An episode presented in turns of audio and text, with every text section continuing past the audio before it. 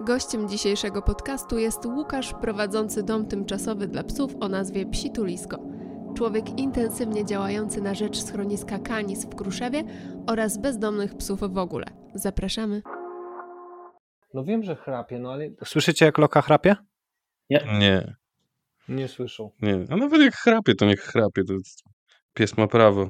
Nie, nie słychać, no bo ona faktycznie chrapie, nie? Ale to jest trudno, trudno już to ogarnąć później, bo... Maria, nie No. odciągaj Wiktora od obowiązków Ma, podcastowych. no właśnie, właśnie. Widzisz, dobrze to wyczułeś, o co tu chodzi w tym wszystkim. E, dobra, e, Łukaszu, kurczę, nie wiem, Wo, Wojciechu, ja, bo ja już dawno... Ja mam zacząć? Ja mam zacząć? To Jakbyś mógł, wiesz, bo, bo ja już dawno nie, nie brałem udziału i powiem szczerze, trochę mnie zatkało. Łukasz, ja nie będę ukrywał, że ja nie znałem twojej osoby instagramowej wcześniej, to dzięki Wiktorowi poznałem tak naprawdę.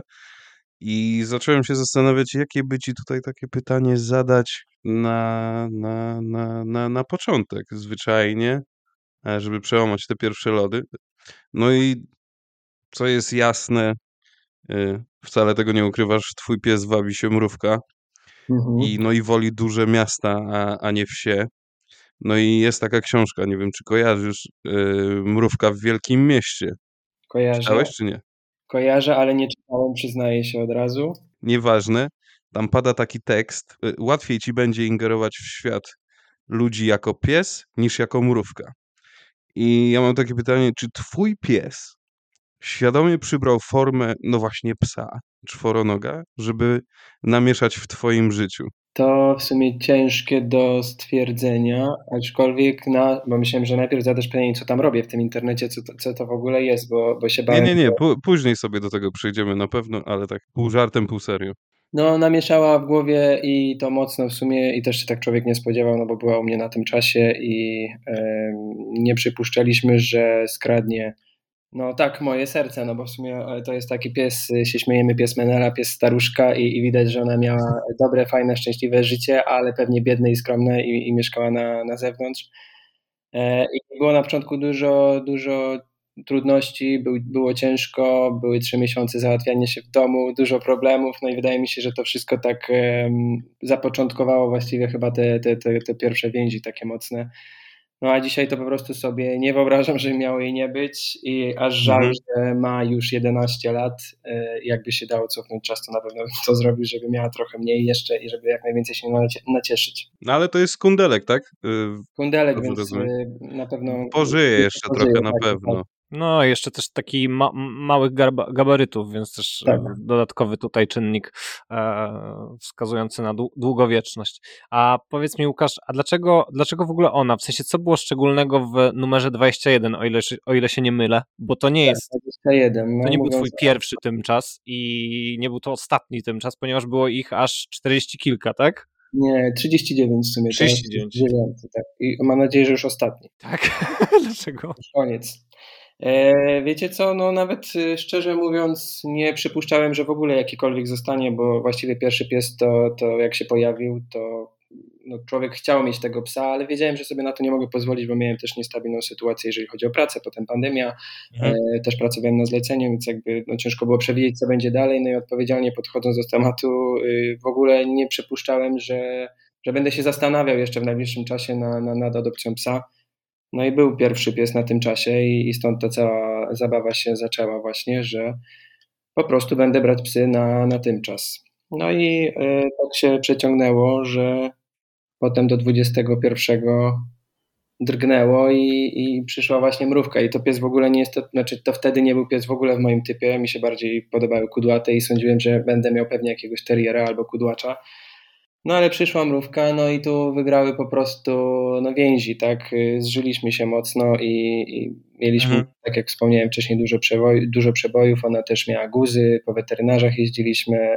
Ona miała takie bardzo, no, takie naprawdę wierne spojrzenie i no, to, to tak zawojowało po prostu, mocniej zabiło w sercu. I nawet ona już miała znaleziony dom, bo szukaliśmy jej domu jako dla psa trudnego, który wymagał dużo pracy, który miał przejawy na początku lęku separacyjnego, załatwiała się w domu, no plus kontynuacja leczenia, no i wiedzieliśmy, że znalezienie takiego domu to nie będzie łatwa sprawa. Podejrzewam, że dziś to by się pewnie kolejka ustawiła, ale tak, wtedy faktycznie trudno było znaleźć ten dom, no i zgłosiła się jedna rodzina i, i w ostatniej chwili, i to też były chyba trzy spacery, jeśli dobrze pamiętam, zapoznawcze mhm. i do ostatniej chwili właściwie miałem mętlik w środku w ostatniej chwili i po prostu podjąłem decyzję, że, że zostaje. Także skoro 21 psów mhm. zdążyło, 20 zdążyło się przewinąć i wszystko było w porządku, to, to jakby już nie miałem wątpliwości, że sobie miałbym nie poradzić. No i już wiedziałem, że kończy się też kariera tymczasowania, ale jeszcze trochę tych piesków nas odwiedziło. A to powiedz mi, a czy któryś z wcześniejszych tych piesków, e, wcześniejszych, znaczy się przed mrówką, mhm. był u ciebie dłużej niż ona? Tak. Dłużej szukałeś mu domu? Tak, okay. najdłużej był pierwszy pies, to był pies Figaro. Mhm. Też e, jak do mnie przyjechał, to byłem przerażony, bo, bo byłem pewien, że mu nie znajdę domu, bo też e, no, nie wyglądał za ciekawie, w sensie też miałem inne wyobrażenie na temat takiego miejskiego typowego psa. E, miałem wykreowany właśnie obraz ładnego pieska w Warszawie na, na pięknej kolorowej smyczy ze złotym numerkiem na szyi. A przyjechał do mnie Burek, taki zakultuniony, dzikus, y, wariat na spacerze, w ogóle zero smyczy i tak dalej. Jakby dla mnie to też było duże wyzwanie, no bo jak byłem wcześniej wolontariuszem w schronisku, ale takim gospodarczym, ale takiego jakiegoś doświadczenia w obchodzeniu się z psami, z zachowaniem psów za dużo nie miałem i ten pies właśnie też miał takie objawy lękowe, z agresją i tak dalej. No i przez to, że wybuchła pandemia, ciężko było też znaleźć ten dom i y, też bardzo długo ten pies na tym czasie u nas był. Mało tego, y, wyobraźcie sobie, że ten pies pojechał do domu stałego pod Kraków, do Wieliczki E, i po dwóch tygodniach dostałem informację z dnia na dzień, że psa oddaję. No i tak się składa, że ja w Krakowie wcześniej studiowałem, akurat wtedy byłem u znajomych. E, no i akurat e, go stamtąd odebrałem i, i z psem wróciłem z powrotem do Warszawy. O kurczę. Mieliśmy drugie spotkanie i pies pierwszy raz wystawił zęby w ogóle na, na, na obcych ludzi na zewnątrz. No i to się tak skończyło, że pies znowu wrócił do mnie.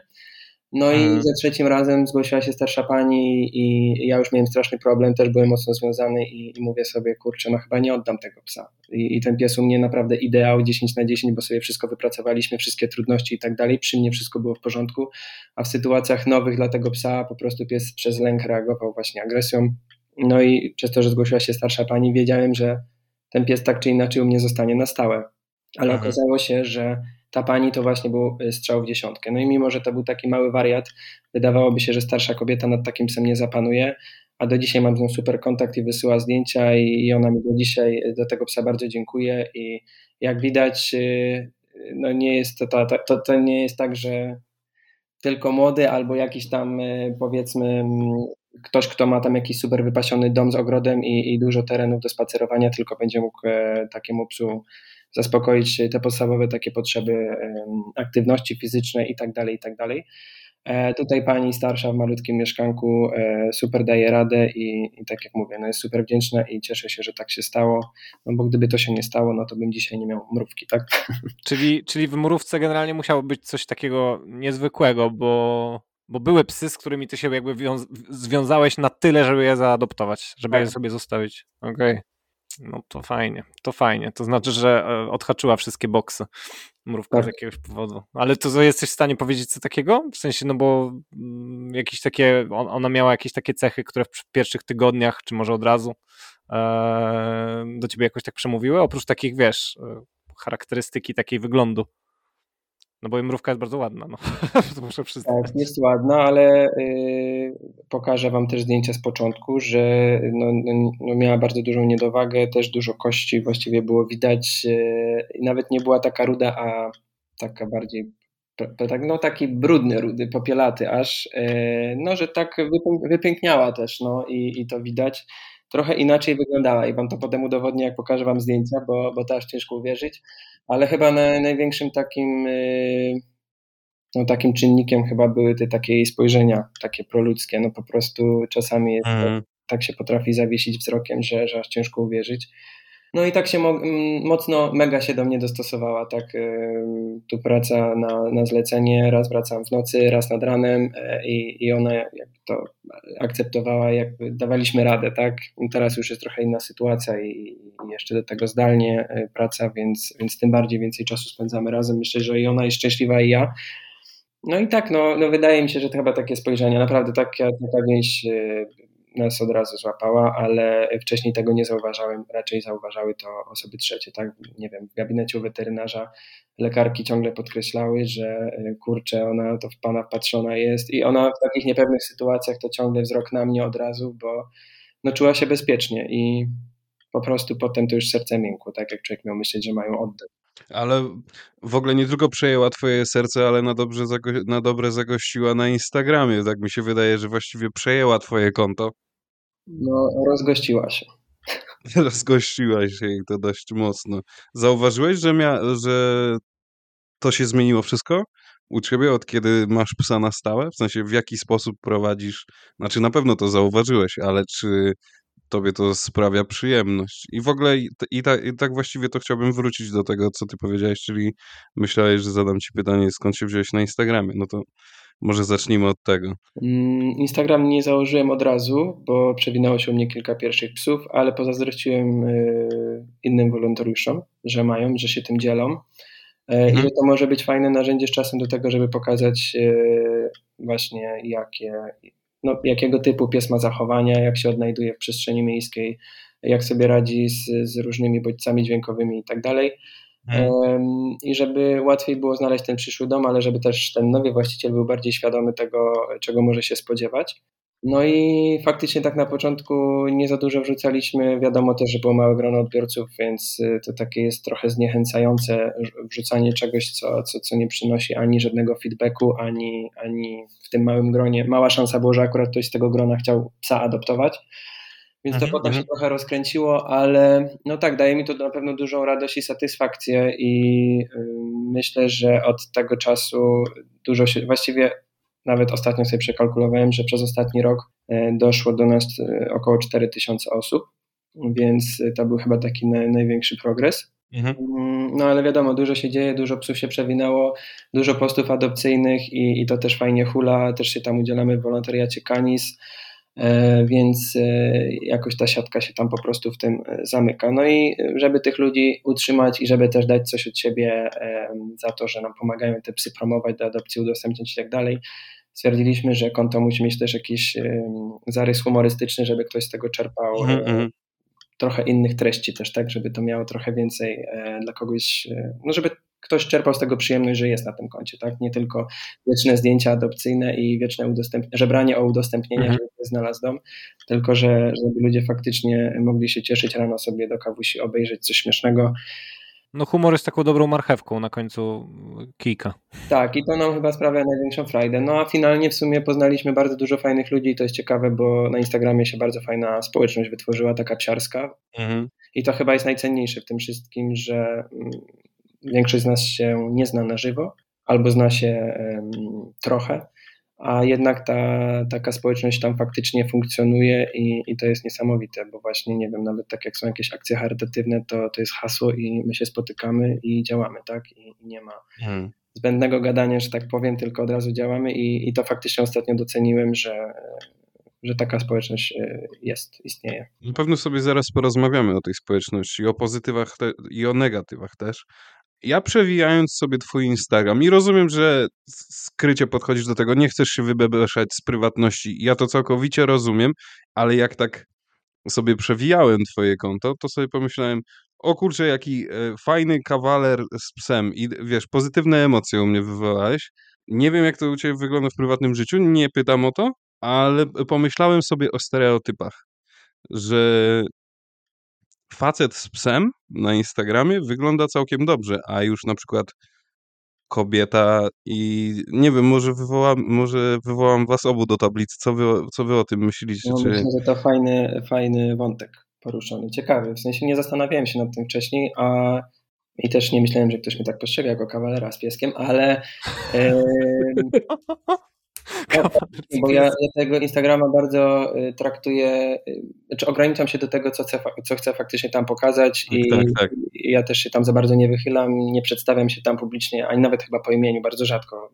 Myślę, że to się mogło gdzieś tam faktycznie pojawić raczej jako podpis gdzieś, e, chociaż raczej jest to stary, myślę, że większość y, z followersów nie wie, jak mam nawet na imię, ale gdzieś tam dostrzegam tego pozytywy i faktycznie czuję taki komfort, że, że mogę tam wyrazić coś jako stary, mrówki, albo wyrazić czasami jako mrówka właśnie i wydaje mi się, że to jest chyba w tym wszystkim najfajniejsze, że e, różne rzeczy czasami można poruszyć, chociaż staram się też nie, nie dotykać takich tematów wrażliwych, żeby też tam nikogo ani nie dyskryminować, ani nie wzbudzać jakichś, jakichś tam konfliktów i, i jakichś takich ostrzejszych tematów. Raczej traktuję to jako przestrzeń takiego spokoju i, i, i staram się to tak utrzymać. Ale to ja się, ja się odniosę do tego stereotypu, o którym tu mówisz Wojtek, że to jest w ogóle ciekawe, bo e, ja myślę, że single, znaczy single, w ogóle facet z psem, który się zajmuje psem i tak dalej, e, wygląda wygląda to fajnie, takie zjawisko, bo ja myślę, że w ogóle ono jest stosunkowo, kurde, rzadkie jednak. To wzbudza, wzbudza takie podejrzenie, że, on, że jest on odpowiedzialny, że jest dobrym tak. człowiekiem, że może jest osobą no tak, tak, ma takie jakieś tam tak ojcowskie tak odruchy, czy takie właśnie, że tak, ojcowskie odruchy, czy coś takiego. Ale przyznam się wam, że ja robiłem takie, e, taką statystykę sobie, no bo e, no ja, ja też siedzę jakby w tej branży, e, można powiedzieć, w tym świecie i to głównie są kobiety. W sensie e, takie osoby, które się tak naprawdę, wiecie, interesują poza kupieniem karmy psu, tylko nie wiem, na przykład e, pójście na trening, na przykład choćby grupy treningowe, nie? To przynajmniej na, w tych grupach treningowych, w których ja uczestniczyłem, to, to większość taka zdecydowana to są kobiety. E, mężczyźni są, ale to jest, nie wiem, ja nie wiem, czy to wykracza poza 10%. Nie wiem, co, co ty myślisz, Łukasz, w sensie, czy też tak zwróciłeś uwagę, że większość takich zapalonych psiarzy to są kobiety? A mężczyźni to jest na doklejkę. Czasami. Faktycznie najwięcej to psów, które ode mnie przynajmniej były wyadoptowywane, to były wyadoptowane albo właśnie do par, albo mhm. do rodzin, e, a mało do albo kobiety, albo mężczyzny po prostu, ale faktycznie było kilku facetów, którzy mają albo mieli przez jakiś czas mm, solo, tak, tego psa tylko i wyłącznie dla siebie. E, I, i, było ich dos, I było ich dosłownie kilku, a na wszelkiego rodzaju różnych, e, czy to eventach, czy jakichś tam spotkaniach takich psiarskich faktycznie dominują kobiety e, albo pary. Też mam w bliskim gronie mm, takich zajaranych psiarzy, to, to głównie, głównie nawet pary bym się odważył. Tylko zastanawiam się, czy tu też nie, nie odgrywa roli taki wątek ten instagramowy typowy, że mało też jaki facet angażuje się tak e, chyba w media w ogóle społecznościowe, żeby nie wiem, wychodzić, trzymać ludzi, zbierać tych ludzi tam na tym Instagramie faktycznie.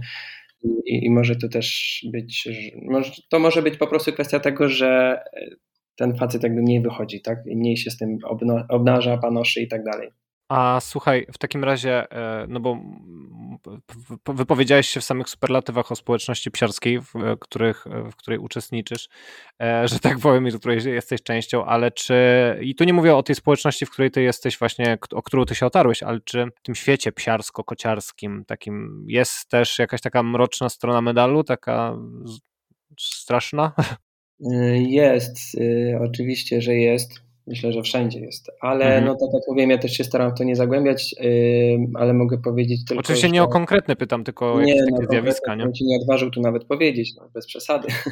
ale y, faktycznie jest taka kwestia, że zrobiła się też moda ostatnio na takie pouczanie, poprawianie, wychodzenie y, z, czasami z krytyką jakąś, y, ocenianie, z takimi radami na siłę. Ja mhm. na przykład bardzo tego nie lubię. W sensie, jak mam jakąś potrzebę, czy, czy coś mnie nurtuje, czy potrzebuję jakiegoś lekarza, no też nie każdy się na wszystkim zna i tak dalej. E, I, i to jest super, że można się faktycznie kogoś zapytać w tej społeczności, ale czasami to jest tak, że no, ktoś do nas napisze, zapyta, załóżmy tam do jakiego lekarza e, idę, czy tam e, do kogo mhm. tam, do jakiego behawiorysty, to za chwilę jest o nie, to nie, nie można, tutaj to nie wolno, coś tam i to tak się zaczyna i, i czasami jak się tego, e, jak się czasami to ogląda, czy słucha, bo to też się nagrywa czasami te wiadomości, to się człowiek łapie za głowę, bo no ciężko jest po prostu to wszystko przyjąć do informacji. I tak nawet się śmiałem ostatnio, że tak jak na takim Instagramie ktoś ma 2000, 3, 4, 5 tysięcy followersów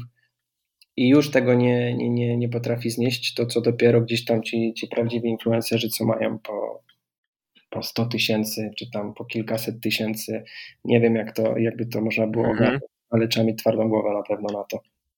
No tak, no y, kurczę, no to Kurczę, no to jest ciekawe w takim razie, że o tym akurat powiedziałeś. E, no bo, e, no tak, no bo generalnie, jeżeli chodzi o w ogóle media społecznościowe, to taki sposób na zaistnienie, czyli takie nagminne moralizatorstwo i takie w sumie egzekwowanie jakichś tam nie wiem, wartości, można powiedzieć, idei, według których się żyje, jest dosyć modne, bo też mhm. trudno się przed tym obronić, wydaje mi się, bo jeżeli, bo to wszystko zależy od tego, kto zacznie moralizować i ta osoba, która zawsze zacznie, to jest na wierzchu, no bo to ona poruszyła temat, mhm. więc pewnie to ona jest po dobrej stronie barykady, trudno się wtedy, nawet jeżeli zostaniesz przez taką osobę chociażby na przykład hipotetycznie jakoś tam ugodzony, obrażony, e, nawet niesłusznie, to trudno często jest się już wybronić, nie? No bo to zawsze cię ta szara masa zalewa, czy na przykład komentarzy, czy czegoś tam. E, no a niestety, czy myślisz, że to ta tematyka, e, która budzi dużo emocji, e, bo to są zwierzęta jednak, więc każdy tam empaty do zwierząt, większość osób empaty jakąś tam do zwierząt przejawia, jest jakoś ona niejako wbudowana w, naszy, w naszą tutaj konstytucję e, myślową, to myślisz, że to ze, względu na to są takie, ze względu na tą właśnie emocjonalność, te, te dramy, że tak powiem, czy, czy właśnie to moralizatorstwo jest takie, mm, jakby to powiedzieć, intensywne?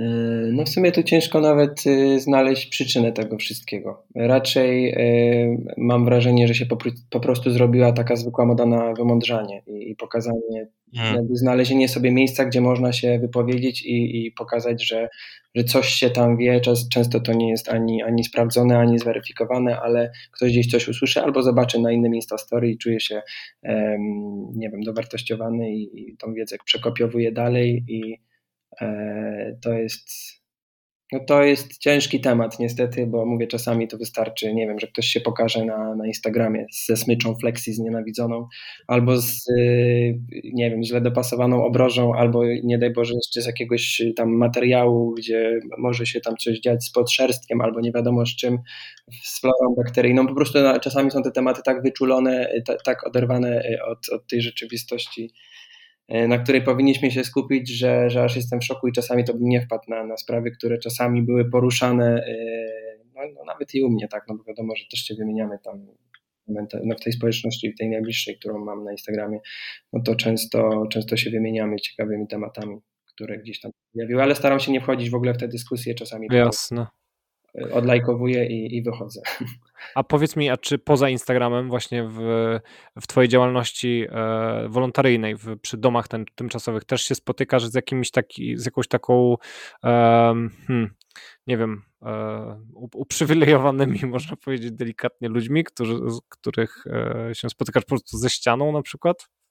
Y, no ja najwięcej mam do czynienia z takimi nowymi wolontariuszami, świeżymi, bo z reguły na dom tymczasowy jak ktoś się zgłosi, to jest to jednorazowa akcja, bo często ma dosyć, bo się nie spodziewał tego, że pies będzie się załatwiał w domu, albo że nie umie chodzić na smyczy i w mieście mm-hmm. duże wyzwanie. No i często naj, no to są po prostu y, jednorazowe takie akcje i te osoby oczekują dużego takiego wsparcia. Staramy się sobie pomagać i, raczej ta osoba y, chętnie czerpie każdą radę i to raczej w tę stronę tutaj szło. Mhm. No to super. E, bardziej, bardziej, mi chodziło o osoby, którym, którzy na przykład chcą psy adoptować, czy, czy, czy po prostu zda, zdarza się napotkać właśnie z jakimś takim oporem e, takim z ich strony w kontekście przyjmowania jakiejś wiedzy albo przyjmowania jakichś rad, bo ja na przykład zwróciłem uwagę na to, już abstrahując w ogóle od czegokolwiek, ale że w tym świecie psiarsko-kociarskim jest bardzo łatwy, bardzo niski próg e, dyletanstwa. Znaczy się, e, kiedy miałeś nie wiem, załóżmy dwa, trzy samochody, zawsze to powtarzam jako taką anegdotkę, że jeżeli miałeś trzy samochody w swoim życiu, to, e, to nie nazywasz się mechanikiem i nikomu nie proponujesz, że na, naprawisz mu jakieś tam skrzynie biegów, ale jak już ktoś miał trzy psy w swoim życiu, to już jest e, często prawie hodowcą. Tak, ale bardzo fajne, bardzo fajne porównanie, nie spotkałem się z nim wcześniej, ale... E, moje tak, ulubione. W dziesiątkę normalnie. Tak to się y, zdarzało wielokrotnie, bo też mi się wydaje, właściwie to na pewno ma duże znaczenie, kto jakie ma oczekiwania od swojego psa, jakie miał wcześniej tam doświadczenia, bo Takim łatwym przykładem na przykład no, będzie sytuacja, że kobieta, która mieszkała gdzieś tam w jakimś domu na obrzeżach Warszawy. Miała posesję dużą i dom i, i, dla niej najważniejsze było to, żeby ten pies po prostu sobie był i sobie biegał po tym podwórku i żeby było fajnie. Tymczasem ja z tym psem mieszkam w centrum Warszawy i mam codziennie duży problem i z załatwianiem i ciągnieniem na smyczy pies ma problem z zostawaniem w domu i gdzieś te różnice po prostu się mm, no, przepychają, tak? I, i, I, nie możemy się czasami dogadać i, i opiekun, który przyszły opiekun, który psa ma adoptować, no niechętnie reaguje, albo w ogóle twierdzi, że sobie coś mogę wyolbrzymiać i, i przesadzać i, i to się czasami zdarza. Na szczęście, no, znaczy trochę mam wrażenie, że już przesadnie wręcz idzie to wszystko w tę stronę, tak, że, że tutaj właśnie nawet już wnikamy prawie, że wpływ obroży na, na podszerstek w tym punkcie, gdzie, gdzie się styka tak, obroża z, ze skórą czy, czy z sierścią.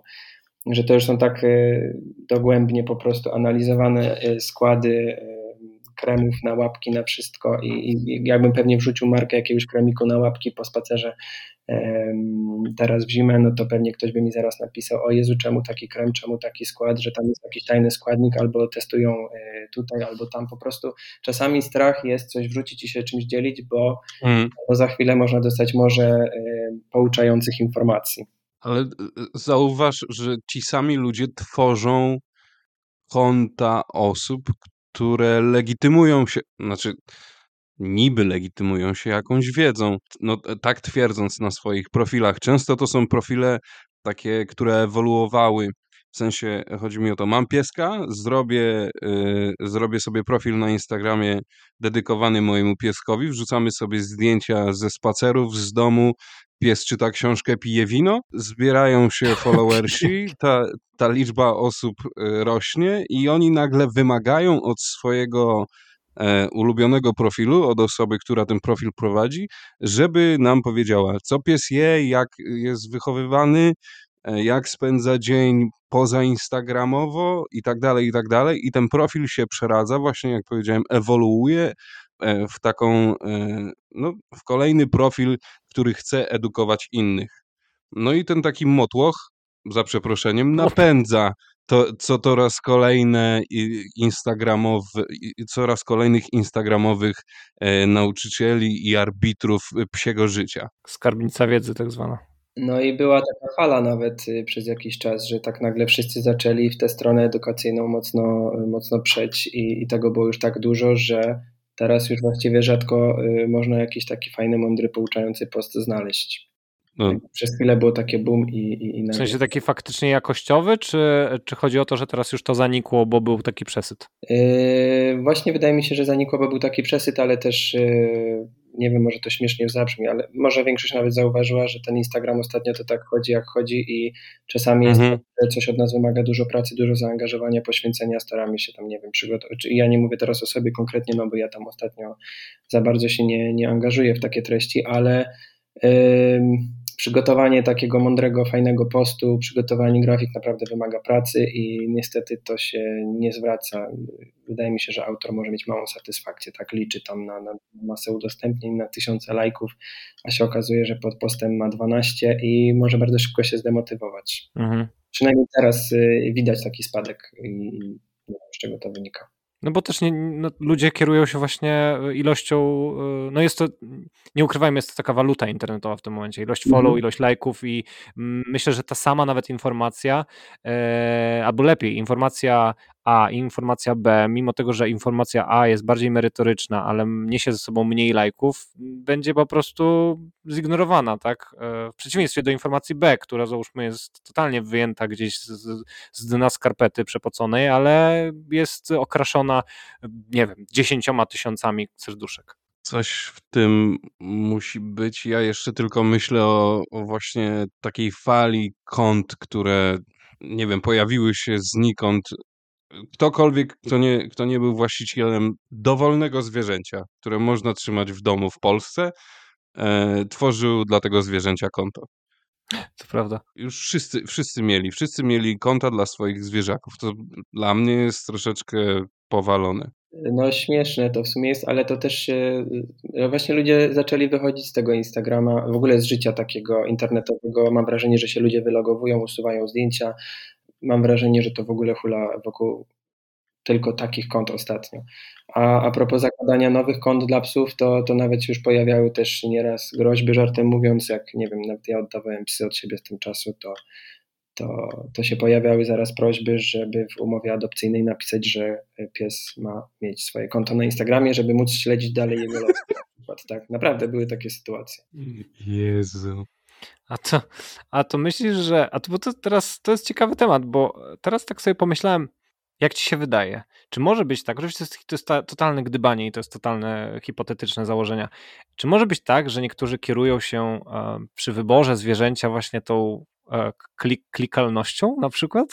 Hmm. Czy jakby już e, z premedytacją wyobrażają sobie internetową karierę u boku zwierzęcia, które adoptują i, jakby niejako ten, te zwierzę jest dodatek do ich potencjalnej, do ich potencjalnego przyszłego życia w mediach no społecznościowych. Zakładając, że jeszcze nie mają nic na tym Instagramie i że założą to konto dopiero jak pies przyjdzie, załóżmy, tak? No, na przykład. No. Wydaje mi się, że, że takie sytuacje miały miejsce i to też jest trochę wina tego, w jaki sposób my ten świat kreujemy, tą społeczność, bo pokazujemy fajne tutaj właśnie i to memy, jakieś śmieszne sytuacje, właśnie, że to kariera, że to tak fajnie jest i przyjemnie, że tutaj się bawimy i jest sympatycznie, że, że, że Mrówka ma tam jakichś swoich fanów, że Taśka ma fanów i wiele innych piesków. E, I mam takie czasami wrażenie, że ktoś ma taką potrzebę i zdarzały się takie sytuacje. W sensie nikt nie przychodził, że o Jezu, adoptuję psa, że sobie założę konto na Instagramie, ale zdarzały się sytuacje, e, że ktoś zaadoptował psa, właśnie z dnia na dzień się pojawił profil na Instagramie, a pies wrócił za chwilę z powrotem do schroniska. Mhm. No bo ktoś sobie nie zdawał z tego sprawy, że życie za tym Instagramem to nie jest e, właśnie no tak. i książka, tak, u psa, tylko no, ciężka praca często. No ja tu z mrówką nie mam jakichś horrorów, bo, bo to jest wiadomo, pies 11-letni, bardzo spokojny, ale e, no, jest dużo takich psów, które naprawdę wymagają dużo pracy, dużo czasu i, i, ciężko jest nawet złapać taką fajną, zdrową równowagę w życiu prywatnym, zawodowym i, i prywatnym tylko dla siebie, no bo niestety e, czasami nie da się tego rozłączyć i, i, i ten pies faktycznie potrafi wejść nam na głowę. No ale tego na Instagramie nie widać. No tak. Ludzie myślą, że jest fajnie kolorowo i, potem trochę mm. mogą dziwić jednak. No bo też są takie, wiecie, no to są takie zarzuty w ogóle wobec Instagrama takiego ludzkiego, lifestyle'owego, tak, że ludzie się uśmiechają i tak dalej i wiele, wielokrotnie widzieliśmy różne takie nawet memy, tak, przedstawiające użytkownika telefonu, który uśmiecha się do zdjęcia i nagle e, kadr się robi szary, kiedy już to zdjęcie jest zrobione i wraca do swojej smutnej rzeczywistości, która nie ma nic wspólnego z jego wallem internetowym. I w ogóle teraz się rodzi takie pytanie, bo i myślę, że jeszcze poruszymy tą kwestię e, w kolejnym wątku, który mamy przygotowany. E, czy myślisz, że e, bardziej, że ważniejsze jest często pokazywanie, jak, jak, jak życie z psem może być trudne, w sensie, że takie, nie, nie mówię, że negatywne, ale wiesz co chodzi, że nie takie właśnie niekolorowe, niż pokazywanie, jakie to życie może być kolorowe. No, tylko trzeba być chyba przygotowanym na, na te wszystkie rady, które zaraz do nas spłyną pomocników, wszystkich wymądrzałych i tak dalej, i tak dalej, więc, e, więc na to na pewno trzeba się przygotować. E, mhm. Ale to jest też fajna sprawa. Faktycznie e, mało kto pokazuje jakieś problemy. Ja też na początku pokazywałem dużo spraw. Pokazywałem zniszczone mieszkanie, jak zostawiłem psa samego w domu, pokazywałem psa, który mi zafajtał wszystko i dywany i, i wszystko właściwie, i zasiurane ściany i kotary, jakieś meble, to Pokazywaliśmy to przez jakiś czas, ale to w sumie nic y, jakby nie przynosiło, nie wnosiło, nie miało też dla nikogo żadnej wartości, poza tym, że ktoś po prostu da reakcję śmiechu e, albo poleci zaraz mhm. środek do czystości, albo napisze, że weluru nie można odkurzać odkurzaczem, y, czy welwetu nie można, znaczy do welwetu nie można używać takiego odkurzacza na przykład, bo też miałem taką sytuację. Mam nadzieję, że koleżanka nas nie będzie słuchała, ale naprawdę była taka sytuacja, że odkurzałem sierść na, na, na kanapie o mój Boże. że nawet nie widziała marki tego odkurzacza. Wspaniałe. Ale powiedziała, że tego welwetu nie można takim odkurzaczem odkurzać. No i są takie sytuacje, że, że ciężko po prostu to wszystko znieść. Czyli specjaliści od wszystkiego się znajdą. Tak, specjaliści od wszystkiego. No tak, ale to też, też z drugiej strony, może masz rację, że to nie jest jakby produktywne, z drugiej strony wrzucanie takich, takich wątków, bo e, przede wszystkim też dlatego, że każda osoba, każdy widz, e, który nawet zobaczy, że okej, okay, no to nie jest kolorowe, może się wydarzyć coś takiego, może wydarzyć coś takiego, pies może być chory, ja mogę coś spieprzyć, e, to nikt się do tego nie przyzna i nikt nigdy nie, tak mi się wydaje, że większość osób pomyśli, okej, okay, ale mój pies będzie inny, albo ja będę inny, ja nie popełnię tego błędu, mój pies nie będzie chory, wezmę takiego zdrowego i tak dalej. No i chyba najważniejsze, żeby to robić przede wszystkim i dla psa, dla własnej satysfakcji, a nie, nie dla tłumu, no bo jakby to na tym trzeba się skupić, tak, że bierzemy tego, że w moim przypadku konkretnie, jak e, mówimy tu o psach z tym czasem, no to bierzemy go po to, żeby trochę go tutaj rozhulać i, i pokazać, że będzie lepiej, tak, bo, bo często jest tak, że pierwsze dni to są po prostu makabryczne i, i zdarzało mi się, że wychodziłem co godzinę, e, na przykład przez pierwszą dobę z psem na spacer, na rękach e, i tylko gdzieś tu pod blok w pobliżu, bo pies był tak e, wydygany, przestraszony. I może zgubiłem wątek. Sorry. Nic się nie stało. Dobra, to może. Bo ja to tak to może... zahaczam 10 tematów jednocześnie. Spoko, nie ma problemu. E, wiesz co, ja chciałem, naszła mnie taka myśl, jak wcześniej rozmawialiśmy o determinancie brania psa na stałe, no i tak łatwym też zrezygnowaniu z niego. I zastanawia mnie jedna rzecz. Czy w Polsce nie jest zbyt łatwo o właśnie wzięcie sobie psa pod swój własny dach, że i często ludzie znajdują sobie zbyt błahy sposób, y, y, powód? Ja rozumiem, że w ogóle to ma miejsce na świecie, ale kurczę, muszę o tym wspomnieć i to już się staje w, w pewnym sensie żartem, ale e, mieszkam w Anglii i, i tutaj wzięcie sobie psa jest o wiele trudniejsze. Raz, że te regulacje względem e, hodowców są całkowicie inne. Jeżeli chodzi o adopcję psa, wzięcie sobie ze schroniska, jest to zdecydowanie trudniejsze. No i e, kolejna rzecz jest taka, że jeżeli ktoś nie ma swojego własnościowo, własnościowego domu, no to z cudem graniczy wzięcie sobie psa na wynajmowaną chatę, bo nawet ja próbowałem wcześniej wynajmując sobie y, mieszkanie czy dom i no, odmawiano mi wielokrotnie. No i właśnie nie, nie wiem, czy, czy w Polsce nie jest to za łatwe, bo je, pamiętam też, że wynajmowałem dom w Polsce i psa mieliśmy. Mhm. No ja y, tu mogę powiedzieć, że to jest różnie niestety. Są y, miejsca, w których psa można dostać od ręki, są miejsca, w których jest bardzo skomplikowana procedura, zbiera się masę ankiet na psa, robi się szum, im pies ładniejszy, e, bardziej pod jakąś rasę, albo im bardziej poszkodowany, tym więcej fundacja, organizacja może na tym psie, że tak powiem, zarobić, robi zbiórki, robi zrzutki, jest szum mhm. medialny, udostępnienia i tak dalej, i tak dalej, więc to niestety też w tę stronę działa. Są, przez to, że te procedury są czasami tak skomplikowane, że wpadamy do jakiegoś woreczka, zbieramy tych chętnych, wybieramy z nich potem, to jest taki jeden wielki casting. Im więcej tych procesów w środku jest, tym bardziej ten ktoś się może zniechęcić, bo za chwilę i nie wiem, 9 na 10 dostanie odpowiedź, że pies idzie do innego domu, no i reszta nie zostanie prawdopodobnie przekierowana na innego, tylko mm. im się mówi, że nie i koniec, na następnego psa kolejna ankieta. No i taki człowiek za pierwszym, za drugim razem da radę, ale za trzecim po prostu sobie tego psa kupi. No oczywiście mm. nie ma w tym nic złego, ile to jest pies ze sprawdzonej i dobrej hodowli, ale wiadomo jak to działa w Polsce, jest bardzo dużo y, tych śmiesznych pseudo-hodowli, które y, gdzieś tam karierę robią na tych OLX-ach i faktycznie można y, rasowe psy e, kupić e, na dziko rozmnażane za, za nie wiem, 300, 400, 500, 600 zł. Z kolei jak procedury są za łatwe, to kończy się to tym, że ten pies za chwilę wraca. No i e, to, to też jest niestety trudne. Ja uważam, że fajnie byłoby wdrożyć taki model, bo też od jakiegoś czasu o tym myślę, że ja to też robię, jak współpracujemy w schronisku i wyczuwamy, że ktoś ma jakąś wątpliwość, albo ma niepewną sytuację, albo ma właśnie wynajmowane mieszkanie, albo obawia się o to, czy nie, nie będzie jakiejś sytuacji, no, że coś po prostu niespodziewanego wyskoczy, to żeby po prostu wziąć psa na ten czas i takim, z takim podejściem mm, przyjść, y, tego psa na ten czas wziąć to jest z reguły około 2-3 tygodnie takiej tymczasowej opieki. Schronisko opłaca pobyt tego psa e, w tym domu tymczasowym. Jeżeli się pojawiają jakieś sytuacje kryzysowe, no to oczywiście nawzajem się wolontariusze wspierają, czy to fundacje, e, czy to trzeba do weterynarza, czy jakąś zbiórkę faktycznie na leczenie zrobić, tak jakby jest to wsparcie. E, no i jeżeli załóżmy po tym okresie, nie wiem, ustalić można fajny termin 10 dni, 2 tygodnie, 3 tygodnie, jeżeli nic się nie, nie wydarzy i, i, i, ten człowiek nabierze tej więzi z tym psem, stwierdzi, że to jest to, no to wtedy można ze spokojem tego psa, na pewno z większym spokojem niż przy takiej spontanicznej adopcji psa do tej adopcji oddać.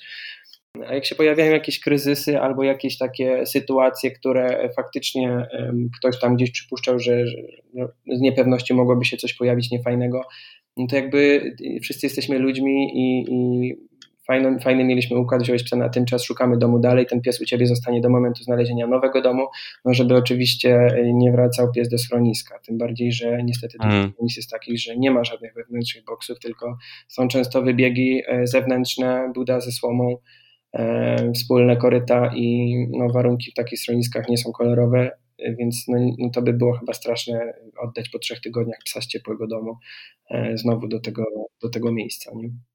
Więc mówię, fajnie byłoby, gdyby taki model się u nas przyjął, że y, mogłoby być to w ogóle w nakazie, tak, że wydajemy psa do adopcji, podpisujemy umowę adopcyjną, ale jest tam zapis, że y, decyzja jest podejmowana po dwóch tygodniach, tak, i jeżeli się pojawiają jakieś sytuacje, które mogłyby y, wzbudzić niepokój organizacji albo niepokój tego opiekuna i, i, coś by miało nie grać, to uważam, że fajna byłaby taka opcja takiego, takiej, nie wiem, kwarantanny trochę, tak, y, adopcyjnej. Mhm no ale że jeżeli coś by się działo, pies miałby wrócić, to żeby oczywiście nie wracał do schroniska, tylko siedział w domu tymczasowym, e, przy tym domu, którym jest e, jako tymczasowym do momentu następnej adopcji. Nie? Mhm. No bo przykre jest to, że te, te, te masowe kastracje, które mamy w Polsce od 15 lat, mam wrażenie, że nie przynoszą żadnego skutku. Jest bardzo dużo nowych fundacji, nowych schronisk, nowych organizacji. No i są takie, co mają dwa psy, są takie, co mają trzy psy, a są takie, co mają niezmiennie 600 psów około od 15 lat i codziennie wyjeżdża stamtąd 5 psów do adopcji, a za chwilę przyjeżdża kolejne 6 czy 7 y, w bardzo ciężkim stanie i to jest taka karuzela, której się nie da zatrzymać. I człowiek myślał, że przez pandemię opróżnimy schroniska, a, a to właściwie chyba nabrało rozmachu, że, że teraz te psy znowu masowo do schronisk e, wracają. No właśnie chciałem powiedzieć, że chyba COVID też spowodował, że te, ta ilość tych miejsc w schroniskach jeszcze się musiała powiększyć. Tak, właściwie ona dynamicznie się y, poluźniła na początku pandemii. Mm, ludzie chyba docenili fakt, że mają więcej czasu i dla siebie, i dla domu, i, i faktycznie, że mogliby tym sam się zaopiekować i, i go nauczyć, spędzić przede wszystkim z nim te pierwsze najtrudniejsze dni, żeby wyczuć temat i, i, i, móc w razie co zapobiec, czy zorganizować jakąś opiekę na wypadek pracy, gdyby się okazało, że, że, nie wiem, że pies sobie nie radzi sam w domu, bo mnie też się zdarzały takie sytuacje, że musiałem psa zostawić z kimś, bo, bo, bo były sytuacje no, no niebezpieczne i dla mnie, i dla sąsiadów, i, i dla samego psa.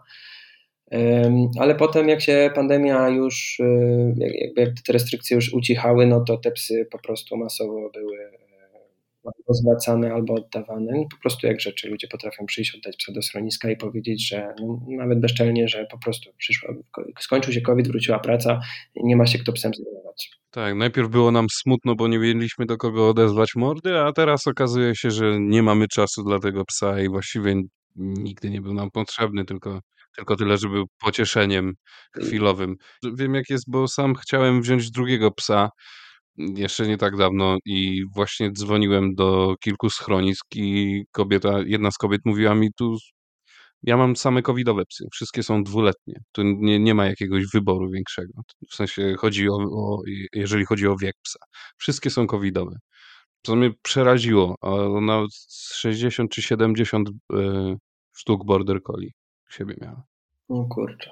No to z tego miejsca, w którym y, ja tam działam, no to większość to są psy takie starsze, już takie zmarnowane i no nie wiadomo w sumie jak to nawet ująć, skomentować, bo no przykre jest to po prostu, że nic się nie da zrobić, tak? Te psy muszą tam skończyć mm -hmm. starość, nikt ich raczej nie weźmie i nie wiem jak to funkcjonuje, czy wiem, że w Stanach y, znaczy nie będę tutaj przytaczał jakichś tam konkretnych, e, jakichś ich tam praw, ale, ale tam są jakieś takie ograniczenia, jeżeli chodzi w ogóle o, o, o oddawanie psa, o, o, to, czy, bo tam bezdomności zwierząt e, wcale dłużej nie ma, no bo po prostu jeżeli pies jest wyłapywany i tam do jakiegoś czasu się nie zgłasza, właściciel psy są usypiane. Trzy miesiące.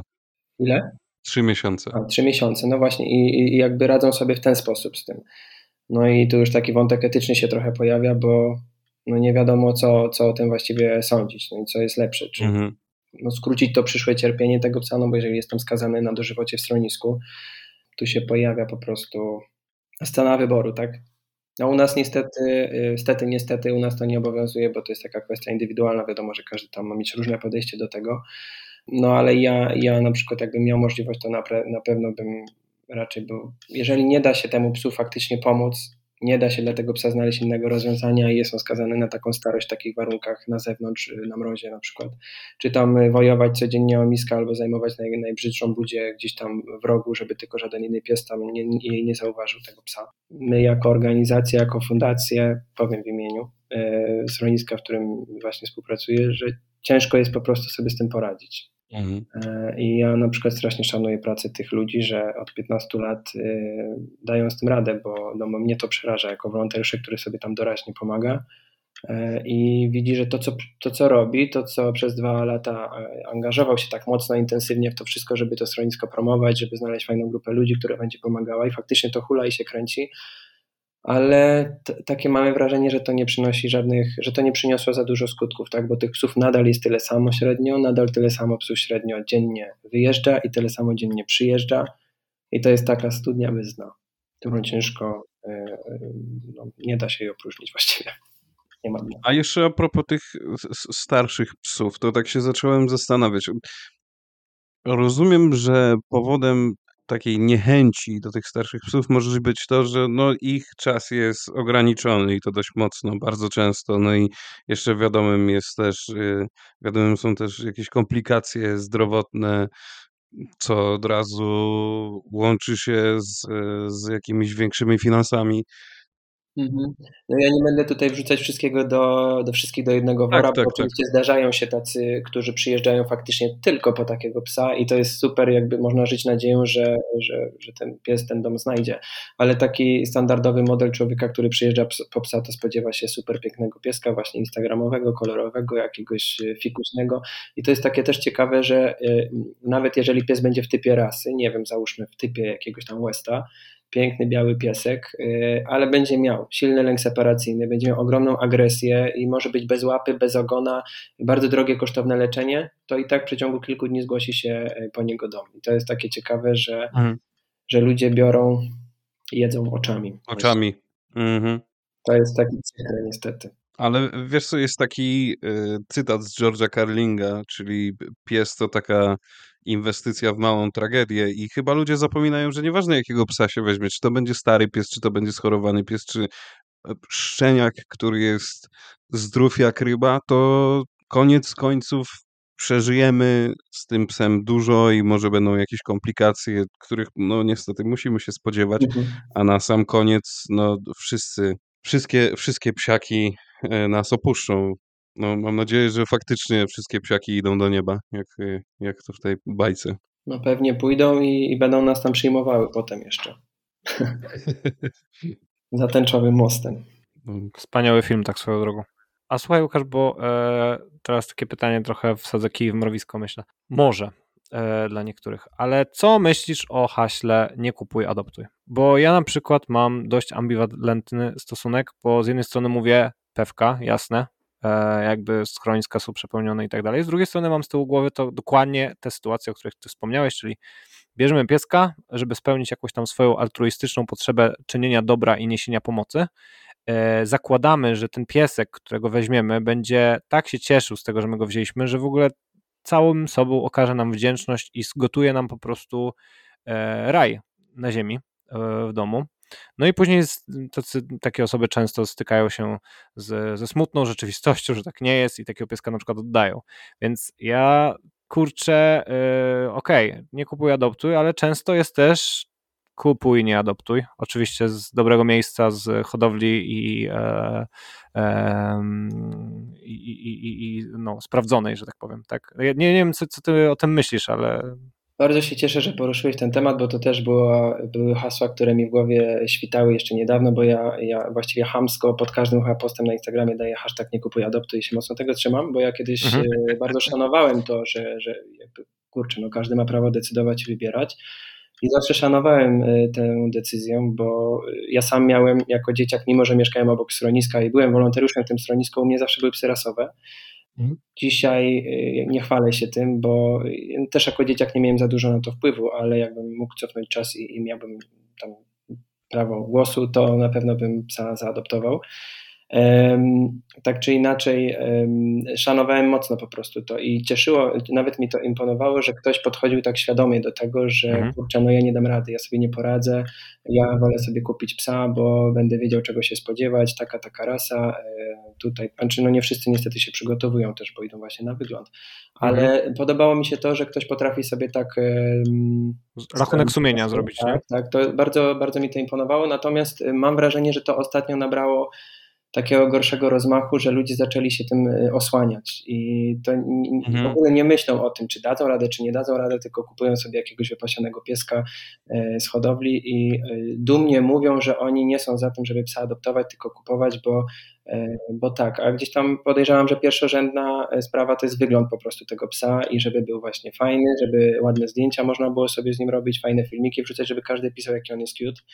E, I wydaje mi się, że to głównie tutaj dominuje. No ja miałem śmieszną sytuację, bo spontanicznie się e, umówiłem w ogóle z obcymi ludźmi, e, gdzieś tam się zgadaliśmy na mieście. To znaczy ja miałem takie małe zlecenie graficzne do zrobienia i po tym, po tym zleceniu graficznym po prostu jakoś tak wyszło, że pójdziemy sobie na piwo. No i tam był taki jeden chłopak, który no, wiedział, czym ja się zajmuję, no i tak właśnie poruszył ten temat i mówi do mnie, że no on tego nie rozumie, że on na pewno by nie adoptował psa, bo, bo to nie, bo to fe i on wolałby wiedzieć, czego się spodziewać, bo to nie jest dla niego.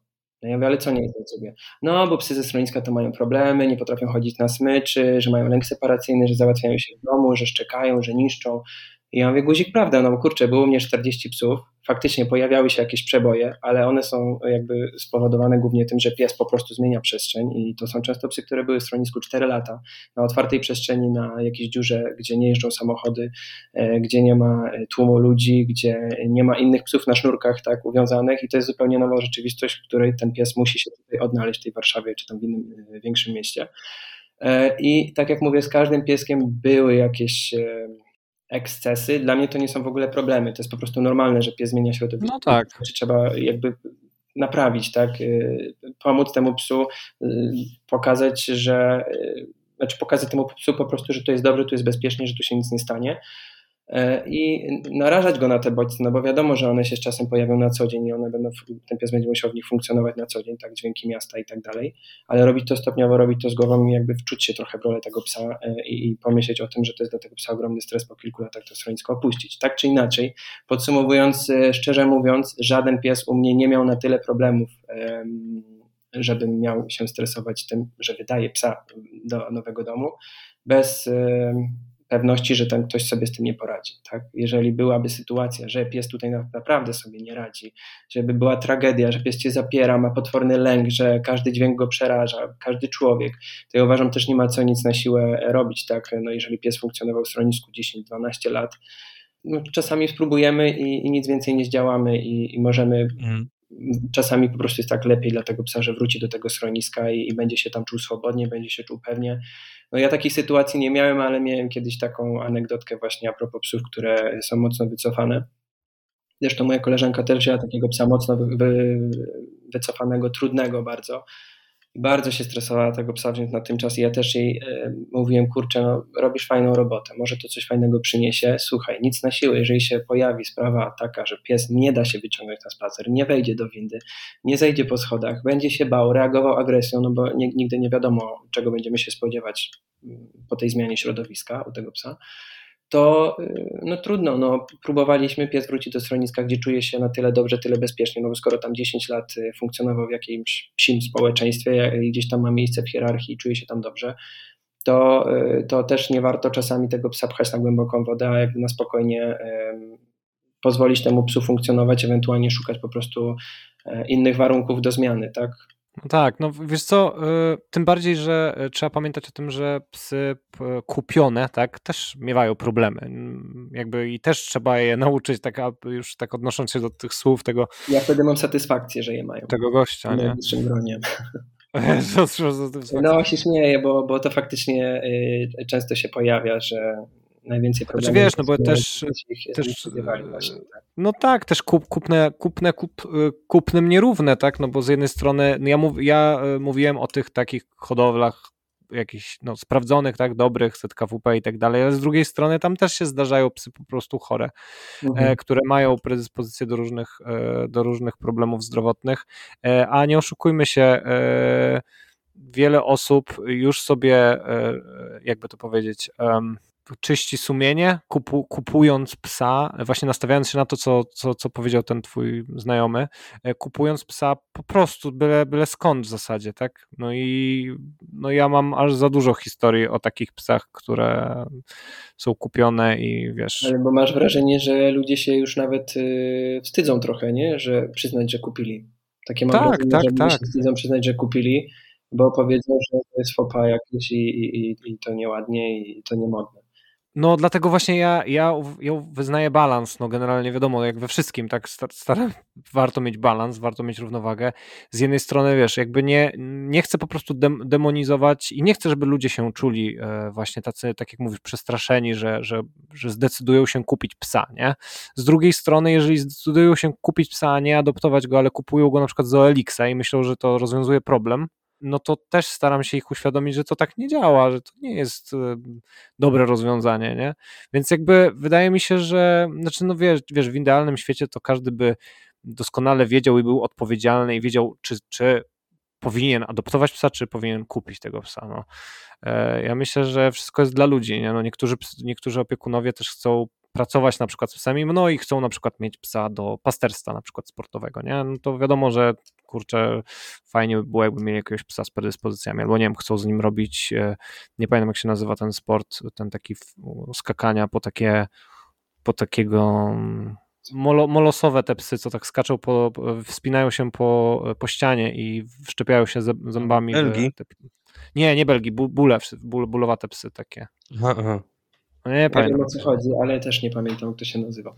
No ale też wiadomo, nie wiem, chcesz robić IPO na przykład, no to weźmiesz właśnie belga albo wczarka, a nie weźmiesz jakiegoś no tam tak, tak, tak, tak, tak. kundelka pięciokilowego, no więc, więc jakby to też kumam, tak? Tak i każdy no, ma ten wybór, ja też oczywiście tak jawnie nie chodzę i nie szczekam tutaj na wszystkich, y, jakby każdy ma wybór i ja ten wybór szanuję, ale gdzieś tam w środku mnie to gryzie po prostu, bo też uważam, mhm. że, że psa w typie rasy, albo nawet i rasowego, bo jest bardzo dużo fundacji, które zajmują się tylko psami rasowymi, można po prostu tak czy inaczej zaadoptować. Tak? No tak, ja się zgadzam absolutnie e, z tym. Ja, wiesz, jakby mówię, mówię też dlatego, że, że po prostu to wszystko też, też to dużo zależy od intencji, bo znam takie osoby, które i myślę, że w ogóle w wielu reality show takie osoby są pokazywane, które mają po prostu nie powiedziałbym, że fetysz, ale taką bardzo dużą potrzebę pomagania. E, I ta pomoc oczywiście się często przeradza w antypomoc. Kończy się na przykład właśnie kolekcjonowaniem psów, na które na przykład się nie ma pieniędzy na, na wystarczającej ilości środków na leczenie, albo po prostu nie, nie, nie wymierza się sił na zamiary i takie osoby kończą szlachetna, na przykład... Szlachetna inicjatywa kończy jako niezdrowa moda i to nie, nie pierwszy raz. Tak, tak, tak, no ale wiesz, jakby to, to też nie jest tak, że ja takie sobie przykłady wymyślam z głowy, ale, e, że wymyślam sobie, ale jakby spotkałem się już z takimi sytuacjami, że, e, że, że, osoby brały na przykład po cztery psy ze schroniska, po pięć psów ze schroniska i, e, i traciły kontrolę nad tym i niestety niektóre z tych psów wracały do schroniska. No ja na szczęście się pilnuję, słuchajcie, nie, nie planuję dodatkowego bagażu, absolutnie ale to też y, wydaje mi się, że u nas w kraju nie widać niestety skali tego wszystkiego, tego problemu dużego, bo jest tych fundacji tak dużo i jest taka moda w ogóle też na te fundacje, że ich jest tak dużo, że ciężko w ogóle jest y, to wszystko zliczyć. I to się wszystko rozkłada na te malutkie fundacje, na te malutkie organizacje. Jedzie się do schroniska dużego, jakiegoś miejskiego i wyjdziemy w boksach, że jest 300 psów, a gdyby nie te organizacje, byłoby ich tam pewnie 2000. I wydaje mi się, że to też może taką świadomość ludzką trochę e, zaburzać, że oni nie są w stanie jakby sobie wyskalować w głowie tego problemu, jaki on jest duży. No bo ja na przykład przez to, że jeżdżę do tego schroniska, widzę to wszystko, widzę jak przyjeżdża kolejna furgonetka z psami, to po prostu ręce opadają i, e, kurczę, no to jest aż, aż, aż, ciężko się o tym mówi, bo y, tak samo ta kastracja, że ludzie nie chcą tych psów kastrować i nie rozumieją, że to jest jedyna taka skuteczna metoda, żeby te psy kastrować. Stroniska nawet takie biedne wydają te psy y, wykastrowane do nowych domów. A dziś tam ktoś mi powie, y, jeszcze niestety ze znajomych, bo się zdarzało, że no weź tam rzuć na to przytulisko, bo się oszczeniła i osiem szczeniaków mamy i że szukamy dobrych domów. Ja mówię, nie, to nie jest, to nie na tym polega, że ja tutaj będę promować twoje pieski, bo ty szukasz domu, bo ja będę teraz propagować to, że fajnie można rozmnażać, będziemy szukać dobrych domów, ale ten ktoś sobie nie pomyślał, mm. że, że codziennie takich ludzi jest masa w tych wszystkich fundacjach, schroniskach i wyławiało się z wody te psy i w kartonie odbierało spod bramy schroniska. No ale my przecież szukamy dobrych domów i że psy zawsze trafiają w dobre ręce i tak dalej. No, to jest takie, takie myślenie, które po prostu powoduje, że tej fali nie da się zatrzymać i człowiek w środku się gotuje i no ciężkie to jest. Dla mnie to jest osobiście ciężkie, bo mnie to mocno wypala w środku. Słuchajcie, panowie, ja bym chciał poruszyć dwa tematy. Yy, no takie wydaje mi się, że skrajne, bardzo jaskrawe tematy. Mianowicie pierwszym jest nadawanie psom ludzkich imion, a drugim e, pieskowe mamusie tatusiowie. Może zacznijmy od mamusiów tatusiów. Zdaję sobie sprawę, że wy na przykład wy we dwóch od, e, w stosunku do swoich zwierząt odnosicie się, że tytułujecie się, tytułujecie się e, starymi, tak? Starymi, tak, tak. Tak, ja nie używam tej terminologii. No u mnie, u mnie jest Wojtek i Pancia. Śmiesznie. Tak kiedyś padło dla Beki i zostały już Pancia i się pies przyzwyczaił, że moja narzeczona jest Pancia, a ja jestem Wojtek. No tak, kiedyś mówiono, Pancio i Pancia. U mnie stara, stary przechodzi, yy, natomiast no, nie używam żadnych zwrotów typu córcia, synuś, yy, takie rzeczy. Mnie te zwroty przerażają, Łukasz. Jak ktoś mówi, że jest psim rodzicem, jak ktoś mówi, że jest tatą małego Azorka, jak, a już najbardziej mnie przerażają sytuacje, jak ktoś ma ludzkie dziecko, ludzkiego potomka, ma psa i mówi i określa tę dwójkę per y, rodzeństwo. No jako rodzeństwo. To już jest absurd. Nie, no dla mnie to już jest y, niesmaczne na pewno i tak jak mówię, ja tutaj jeszcze tych starych, y, stary, stara to jakoś tak y, przyjęło się. Może to jest kwestia tego, stary, że... Stary, stara ja też rozumiem. No bo to jest, wiecie, takie trochę żartobliwe, trochę tak. pieszczotliwe. Yy, yy, na pewno, no, na możemy pewno jakąś... formalnie, tak, właściciel tak. opieku, no ale to jest długie i niewygodne. niewygodnie no tak, ale to też wiadomo, że jakby yy, no tak jak ty Wojciech zauważyłeś, no jak zresztą my wszyscy, no, cała nasza trójka, myślę, że nasz dystans w stosunku do naszych stworów jest dość bliski, tak? Pewnie bliższy niż, niż taki założony w jakimś tam jakiejś definicji właściciel pies, nie? Więc z jednej strony ja, ja też tego nie stosuję, w sensie nie, nie, jakoś mi nie przechodzi przez gardło naturalnie takie, takie rzeczy. Ja sam się tytułuję starym i e, ojcem często, e, tak dla żartów, ale ogólnie rzecz biorąc e, z drugiej strony, no to zdaję sobie sprawę, że ja na przykład poświęcam tyle uwagi swoim stworom, co podejrzewam, że Oczywiście nie, chcą, nie chcąc nikogo obrazić, ale niektórzy poświęcają mniejszą uwagę dzieciom. Niestety. No, co, co, co, mogę powiedzieć? Nie mam dzieci, więc moja uwaga jest, że tak powiem, przeznaczona. Tylko, że to jest inna relacja totalnie, nie? Jednak. No, tak, tak, no ale wiesz, no jakby e, do, lek do lekarza chodzę, tak? Eee, wiesz, nie, nie szedłbym w tę stronę, Wiktor. Tak nie szedłbym w tę stronę, Wiktor. Bo w sensie, to też jest tak, wiesz, to tak jak e, młody ojciec ci opowiada, co w nim się wydarzyło, kiedy pierwszy raz zobaczył swoje dziecko, a ty mówisz, no ja mam psa. To jest dokładnie na tej zasadzie i to jest trochę dyskredytujące. Nawet jeżeli ja sam nie mam dzieci, to uważam, że... No, niby tak, ale Kurczę, miałem to porównanie, to porównanie jest, to porównanie troszeczkę jest... Ja rozumiem, że niektórzy zaniedbują obowiązki rodzicielskie, e, a niektórzy wręcz przesadzają z, ze, z tym, jak wygląda ich relacja z psem. E, no ale no nie wiem, ja, ja na przykład akurat ten, ten, tą kwestię, czy, czy kogoś zdyskredytuję, to mam w nosie totalnie, e, no bo to jest moja relacja ze zwierzęciem. E, i jakby komuś może ona się wydawać nienaturalna, ale z drugiej strony też głęboko wierzę w relatywizm kulturowy i myślę, że dopóki ktoś nie wejdzie w moją głowę, to to trochę trudno mu jest powiedzieć, jakby co ja powinienem czuć, czy tam co tam czuję, nie? Z drugiej strony, no, nie ba- no tak jak mówię, nie bawię się w takie rzeczy w stylu, nie mówię ludziom, no ja mam psa, ja wiem o co chodzi, ile twoje dziecko ma 3 lata, no wiem o co chodzi, jak mój pies miał też 3 lata, to, e, to też mniej więcej e, to czułem, nie? To jakby nie gadam takich rzeczy, ale z drugiej strony, wiesz, jakby, nie wiem, no ja, nie wiem, jakoś tak nigdy nie miałem takich przemyśleń, że może kogoś to... Nie, nie zastanawiam się, że ktoś może, że ktoś może, wiesz, jakby mm, się poczuć właśnie zdyskredytowany, czy coś, tym, tym w jaki ile ja poświęcam na przykład swoim stworom, nie, czasu, czy tam opieki i tak dalej, nie? Tak jak mówię, no, wiem, że w, w rodzicielstwie też dochodzi kwestia biologii, takich hormonów, które tam działają i określone e, warunkują rzeczy. Mm, to myślę, że międzygatunkowo to już takie rzeczy nie zachodzą.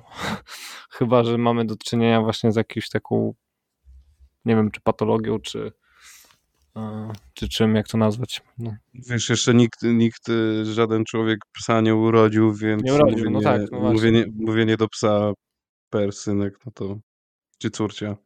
No chyba, że właśnie humorystycznie, no bo wiesz, no jakby to też zależy wszystko od intencji, jak moja, mówi e, taka moja znajoma, e, może za dużo powiedziane, ale no wiesz, no bo jeżeli ktoś to mówi szczerze, tak i ma, ma taką więź e, per synek, no to to jest takie dziwne trochę, tak, no ale jak ktoś mówi, e, synek, podejdź tu, no tutaj, to cię wytargam za ucho.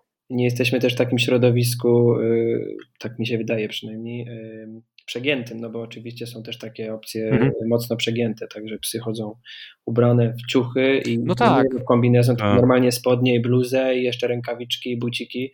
Naprawdę takie chodzą i w wózkach jeżdżą takich małych dla dzieci. No, to już dla mnie jest trochę. No właśnie, no. ale kurczę, to jest, to jest ważna rzecz, o której ty powiedziałeś, bo same mówienie to tak jak, no to tak jak mówię, że zależy trochę od intencji i różne rzeczy może ze sobą nieść, bo jeżeli się kończy na samym mówieniu, no to możemy możemy założyć, że ktoś tak po prostu mówi dla żartu czy coś, nie? Ale z drugiej strony często to idzie właśnie w kierunku patologii, no bo już ubieranie psów, kom, komeszki, bo ja kiedyś widziałem psa w komży, praktycznie, jestem prawie pewien, że ten York leciał kurna na pierwszą e, komunię świętą, e, bo tak wyglądał, e, albo nosidełka takie, nie wiem czy widziałeś swoją drogą w często... Był. Mm, w, Al, w czym? W, Aldi? W Albie. Biały A, w tydzień. A, okej, okay. a w Albie, okej, okay, dobra. Myślałem, że mówisz o tych nosidełkach, że były w Aldi sklepie. Nawet nie wiem, czy w Anglii masz Aldi. E, jest, w każdym razie no, jest Aldi jest angielski. A, no co nawet nie wiedziałem. E, no ale w każdym razie są takie nosidełka, nie wiem, czy kiedyś widzieliście, takie no, nosidełka dosłownie, tak jak dziecko się nosi e, na, na no, brzuchu. No, no, no, I często w reklamach tych nosidełek swoją drogą są reprezentowane mopsami, czyli psami generalnie mocno skrzywdzonymi przez hodowców i, i pod każdym, w zasadzie pod każdym względem i każdy układ tego psa jest w jakiś tam sposób patologiczny i, e, i na zdjęciach właśnie reklamujących te nosidełka, które no umówmy się, zmuszają psa do bardzo nienaturalnej e, pozycji, że tak powiem, wcale niewygodnej mm. dla tej psa, e, no to mówimy jeżeli ktoś jeszcze takich, nosi... Mówimy o tych takich, co dyndają wszystkie łapy, tak? tak, tak, tak, tak. Okay. Tak, tak. To nie, to, to już jest w ogóle no to, no to jest wymysł i to jest patologia i myślę, że właśnie taka nadmierna personifikacja zwierzęcia, no to się kończy, myślę, że na tym właśnie, kurczę. I to Powinno jest chore. się kończyć choroszczą. No i że ludzie muszą w ogóle z tym wychodzić, bo to przecież y, no. to tam wiadomo, zwierzę pierwsza sprawa, ale też y, no nie wiem, mnie by było po prostu no, krępująco bardzo, bardzo bym się y, stresował tym, że mnie zaraz ktoś będzie oceniał i robił zdjęcia na pewno. E, jakby, no, że tak. ludzie się nawet tak nie zastanawiają, albo właśnie potrzebują tego może, żeby być gdzieś tam w centrum uwagi. Atencji?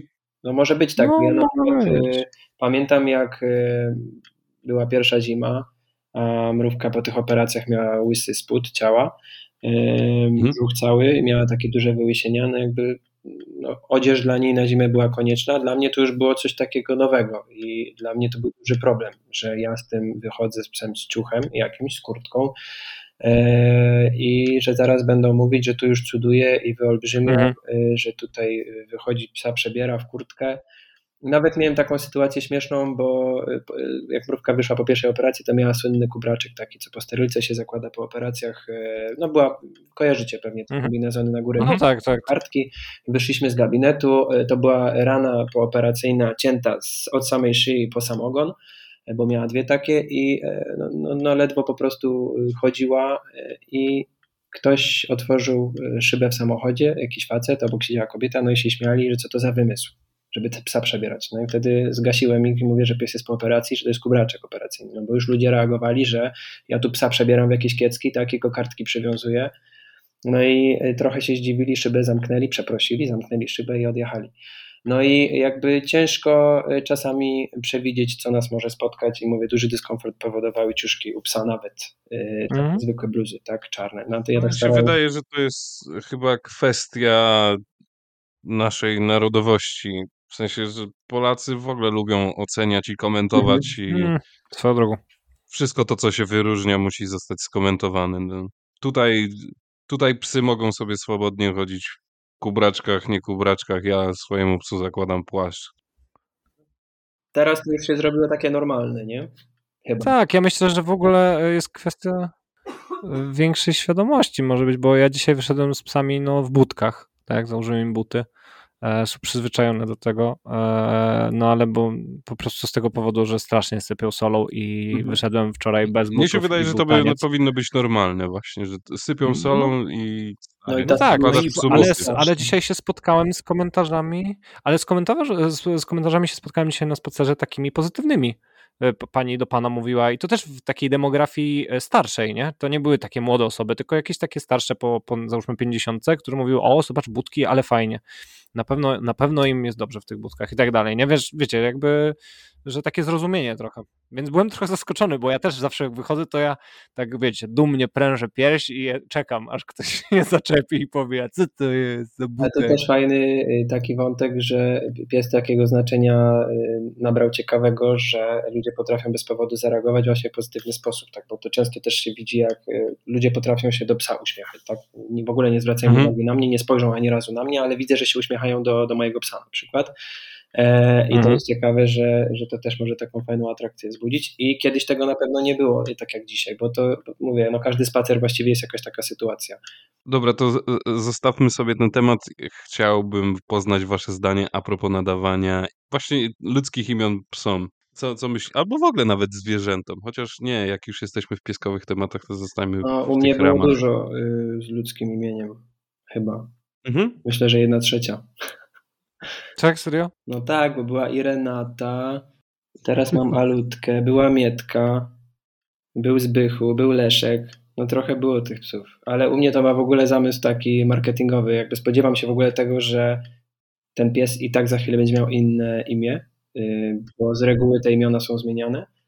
A u mnie ma to zamysł y, marketingowy i po prostu wydaje mi się, że to chyba y, do ludzi bardziej przemawia. No bo tych, ile może być tych Jackie, ile może być tych, y, nie wiem, Zary, Nelly, Nero. Nero, no tych psów jest po prostu mnóstwo. Ja myślę, że ludzie nie są w stanie nawet tych psów tam już rozróżniać po tych postach, a jednak wpadnie jakaś Mietka y, albo jakaś Ziutka, Berta, no to ludzi to wydaje mi się, że chętniej wtedy jakoś reagują w ogóle, żeby Nie, nie oburzają się, myślisz, ludzie na to?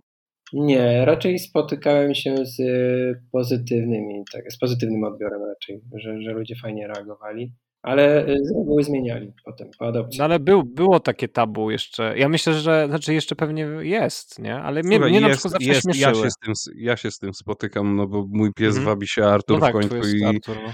i, i wiesz, jak mówię, jak mu dałem na imię, to co? Dlaczego? Mhm. Wiesz, i takie jest dziwne. Są ludzie skonsternowani bardzo często i bardzo, bardzo też często zauważam, że trudno im przychodzi nazywanie go Arturem, nazywanie go jego imieniem. Mhm. Zwracam się do psa faktycznie po imieniu. No, e, najgorzej jak się ma dużą rodzinę. Wtedy jest szansa, że się trafi na wujka jakiegoś, albo większa szansa, nie? Którego można obrazić tym.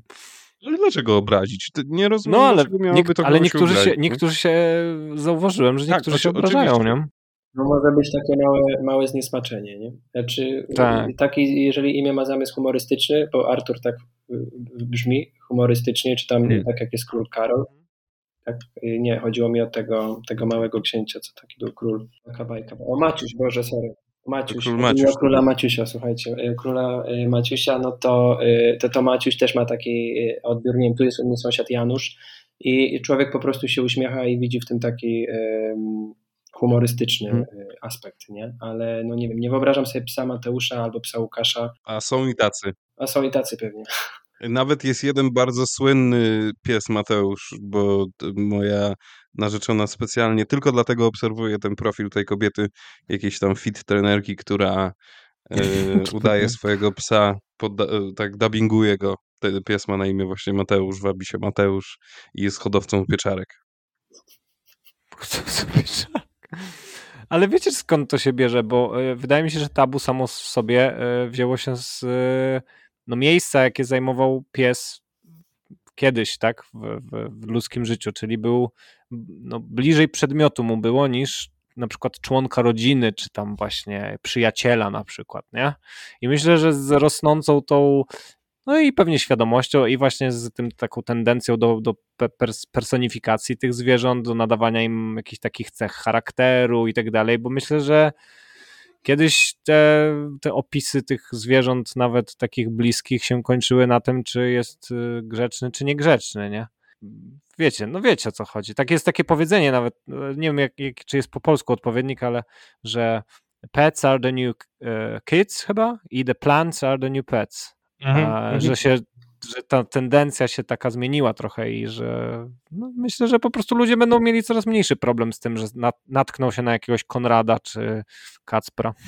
Ja pamiętam, jak byłem mały, to tak jak na przykład Łukasz wspomniał Maciusia, to ja pamiętam, że e, na niejednym osiedlu był Kubuś albo Kuba. Tak, Kubusie były. I głównie to były jamniki, nie? Nie wiem dlaczego. Zawsze jamniki mają dziwne imiona. Kubuś, Puzon, Puzon. Tak, tak, był, był u mnie na osiedlu Puzon. Wy napotkaliście jakiegoś psa o zdecydowanie dziwnym, bardzo awangardowym imieniu? No właśnie tak y, próbuję sobie w ogóle przypomnieć te, te ludzkie, ale takie śmieszne imię, takie, które y, wielu zaskoczyło i moich znajomych i tak dalej, to chyba Heathcliff. To jest kurde dobre. Heathcliff.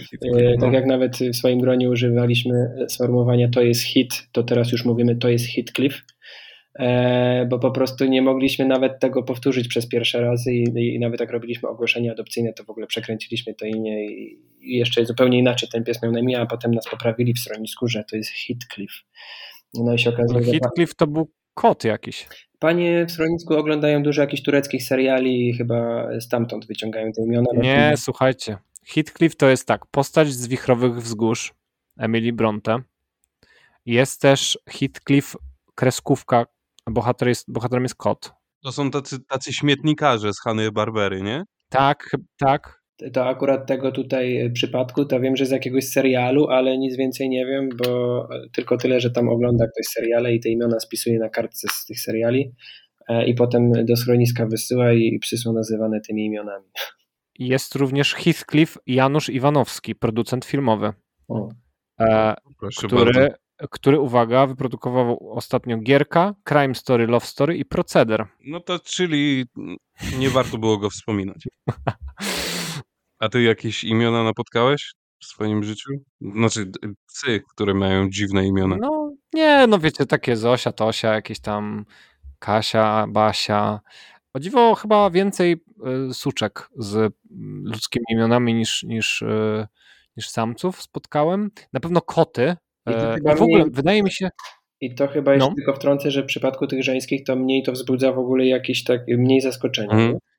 Tak, ale ja w ogóle jeszcze pomyślałem teraz o jednej rzeczy, że im bardziej się e, zwierzę, może nie tyle co zmniejsza, ale i, wiecie o co chodzi, że mniejsze e, tabu jest, jak rybka się nazywa ludzkim imieniem. Albo no jakiś no tak, kurde tak. gad, albo płaz, mhm. ślimak, czy coś. Ja kiedyś wpadłem na pomysł, że Aneta to jest bardzo dobre imię dla chomika. Nie wiem dlaczego. No to są dobre imię, no. Ale ciekawe dlaczego? Może dlatego, że się nie wychodzi na zewnątrz zazwyczaj z tymi zwierzętami. Z Anetą? A wiecie, jak, jak idziecie... Nie, z małymi zwierzętami, nie? Że z, właśnie z chomikiem, rybą, tam szczurem. Ale zapraszasz ludzi do domu przecież, Wiktor. No tak, jest, ale tak, nie idziesz po ulicy i nie krzyczysz, nie krzyczysz. No wiem, ale wiesz, nie idziesz po ulicy i nie krzyczysz hej Kacper, co się załatwiać na ulicy? I nagle się jakiś Kacper odwraca i mówi sobie, co jest, kurde. Skąd wiedział? A, w ogóle, no właśnie, bo ty, gadamy o pieska, gadamy o... Chociaż w sumie jeszcze bym chciał cię, ciebie zapytać, co było przed e, schroniskiem Canis, tak swoją drogą? Y, przed schroniskiem Canis to były studia w Krakowie. Mhm. Ty jesteś inżynierem, prawda? Tak, jestem inżynierem leśnictwa. I tutaj moje pytanie. Jakbym, jakbym cofnął czas, to bym na pewno to zmienił. Czy zgadzasz się z, z, powie, z powiedzeniem, Chcesz być niczym bądź leśniczym. Nie, z tym się nie zgadzam, ale u nas było takie sformułowanie raczej y, nie martw się niczym, zostaniesz leśniczym. Takie było podejście. A, okay. że to bardziej tak, pozytywne. Tak. Jak nie dziś, to jutro jest trzeci, czwarty, piąty termin, nie martw się niczym, zostaniesz leśniczym i tak. E, I to tak nam towarzyszyło chyba w szkole, ale bo ludzie też myślą, że studia leśne to tam w ogóle hajla bajla, tak, i piwko i dziczyznę się zjadało i chodzi się po lesie, zbiera grzyby albo liczy sarny, no to to jeżeli ktoś tak myśli, to się bardzo myli, bo to były bardzo ciężkie studia w ogóle, bo tam i geodezja, budownictwo, hydrologia, mm, entomologia, fitopatologia, e, fizjologia roślin, no po prostu jest dużo takich ciężkich w ogóle tam tematów i te mhm. studia nie były łatwe, ale też ludzie nie mają świadomości, że, że takie leśnictwo e, tyle w sobie e, zagłębia. No jakbym mógł cofnąć czas, to na pewno bym to zmienił, bo ja w ogóle jestem po technikum leśnym, mm, mundurowym też takim i jakby tych tradycji takich, e, no tam się na, nauczyłem, jakby to było też dla mnie coś nowego, bo ja w ogóle jestem z takiego środowiska miejskiego raczej. Tak stwierdziłem, że kurczę, no fajny, fajny, fajny kierunek, będę to kontynuować, widzę się w tym, e, ale jakby potem na tych studiach to mi się trochę lampka zapaliła i zauważyłem, że zaczynam robić coś, co, coś, czego nie czuję, tak? Chciałbym robić, e, nie wiem, no, ja osobiście jakieś bardziej kreatywne rzeczy. Pewnie jakbym cofnął czas, to wybrałbym albo architekturę, albo grafikę, mm, albo jakiś kierunek marketingowy, typowo marketingowy. No ale co, no czasu nie cofnę, ale na szczęście są takie czasy, że można się doszkalać dokształcać e, właściwie na wyciągnięcie ręki wszędzie. No dobra, ale to teraz podejmuję wcześniej utracony wątek, e, bo powiedziałeś o architekturze, powiedziałeś o grafice, no i pieski pieskami, ale ty wspaniale rysujesz. I e, swoją drogą jesteś jednym z rysowników e, w kultowej, popularnej e, sieci polskich kawiarni. tak powiem dyplomatycznie, unikając nazwy, bo nie wiem, czy mogę no, powiedzieć. Może to też za dużo nawet powiedziane, ale tak, no gdzieś tam rysunek to zawsze była moja mała pasja, hobby. W ogóle jakieś takie rzeczy kreatywne, to, to faktycznie od zawsze u mnie były. Ja zawsze byłem kronikarzem w szkole i, i po prostu zawsze dostawałem taką robotę e, manualną. No tak hobbystycznie to rysunkiem się faktycznie zajmuję. Pracuję też jako grafik i też się cieszę, bo to, to wcześniej przytoczyłem, że można się rozwijać i mieć tak naprawdę te wszystkie zmiany na wyciągnięcie ręki, że tak naprawdę to nic straconego, tylko trzeba szukać i chcieć. No jakby pod tym względem na razie jest ok. E, no a napisy to też w sumie przez przypadek wyszło i tak z czasem mhm. po prostu nabrałem wprawy i wychodzi na to, że nie jest tak łatwo znaleźć kogoś, kto umie y, coś tam napisać na tablicy. Pisać no, proszę bardzo. No i tak się stało, że, że to robię i póki co ciężko mi z tego wyjść. Mhm. A chciałbyś? Nie, nie, czasami to jest, nie, to jest nie, lada, nie odpowiadaj. Czasami to jest nie lada e, wyzwanie to wszystko ogarnąć, no ale, y, bo to też, no wiadomo, każdy myśli, mm. mhm. to fajnie y, pisane, no tak, przyjemna ale... praca, ale nie, to nie jest takie przyjemne też jak się wydaje. Dużo lokalizacji musisz. Dużo lokalizacji też w różnych miastach, e, skakiwanie na bary, są różne wysokości tych e, menuboardów, e, czy to na podłodze, czy to na, na, na, nie, na trzech metrach wysokości, do jednej trzeba drabiną, na jednej do jednej trzeba stanąć na blacie, na innym sobie wziąć krzesło, tu jest okrągłe, tu jest kwadratowe, tu są dwie tablice, a w tej jest sześć tablic i to jest czasami chyba największe wyzwanie. Bolą ręce, boli kark e, i ten, no nie jest to takie kolorowe, jak się wydaje na pewno. No ja zresztą w jednej z tych kultowych e, lokalizacji, kultowej sie, sie, sieciówki polskiej e, pracowałem, więc pamiętam też jak swoją drogą e, kto, kto inny, ale pamiętam jak musiał się nagimnastykować, żeby rysować właśnie te, te czcionki na tych tablicach, to już doskonale pamiętam, ile to kosztowało te osoby.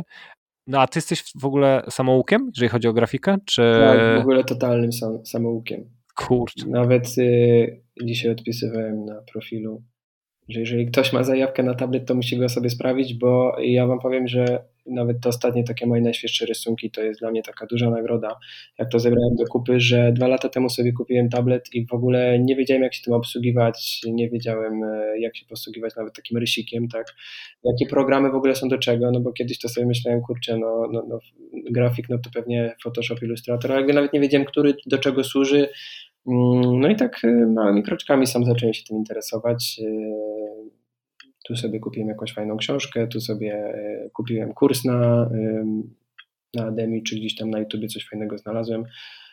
No i małymi kroczkami sobie działałem, ale największą frajdę to mi jednak sprawił tablet. Y, na Instagramie widziałem osoby, które się takimi rysunkami zajmują, podpatrzyłem sobie, jakie programy trzeba mieć, no i pomału, pomału. No. Wracając do podsumowania, że właśnie te rysunki to taki dowód tego wszystkiego, że jak się chce, to można. I, mhm. i to, jest, to jest naprawdę no, chyba najfajniejsza nagroda i taka duża satysfakcja, że, że można coś stworzyć z białej kartki, tak? Fajnie. No a wiadomo, że z czasem będzie, mam nadzieję, lepiej.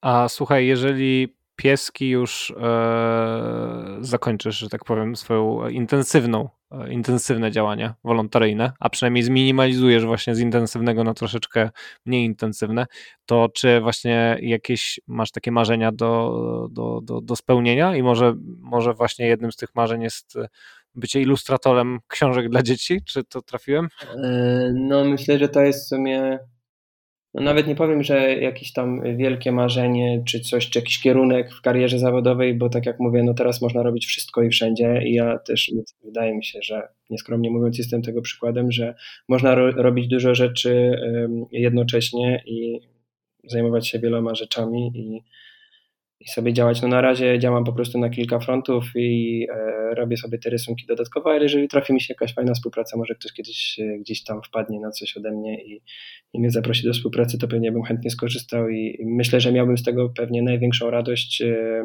niż dotychczasowych działań, no może nie licząc tych piesków, ale tak, no pieski na pewno będę ograniczał, bo wiadomo, że to jest dużo, no dużo to kosztuje i, i pracy, i czasu, i, no też praca, jednak ta praca stacjonarna.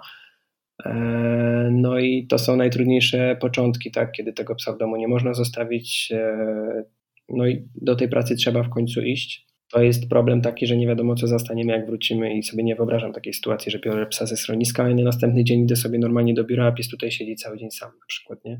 Więc jakby to jest chyba główny taki aspekt, dla którego będę musiał się trochę z tego wycofywać. No chyba, że może kiedyś założę swoją działalność i będę siedział w domu 24 na dobę, no to inna kwestia, może do tego wrócę, ale to są też takie rzeczy, które można robić e, zawsze, nie trzeba tego robić jednym ciurkiem, można sobie zrobić przerwę. No ja też teraz po przerwie wziąłem pieska, E, na tym czas e, i ciągle mówię, że to ostatni, ostatni. Może teraz jak wydam psa, powiem, że to koniec, a się okaże za pół roku, zobaczę gdzieś jakieś zdjęcia i kurde, mówię, dobra, wezmę, już mi jeden nie zrobi różnicy, tak, w te czy we w te i, i wezmę. No, ale mhm. kiedyś po prostu to się brało jednym ciurkiem, czasami nawet dwa jednocześnie, to na pewno do takiego czegoś już nie wrócę, bo y, straciłem już trochę zasoby. Powoli zmierzamy już do końca. Wiem, że Wiktor ma do ciebie jeszcze jakiś szczególne pytanie, ale ja bardzo chciałem to pytanie zadać, chociaż pewnym sensie już je poruszyłem. Czy, no i Wiktor też zapraszam Ciebie do odpowiedzi.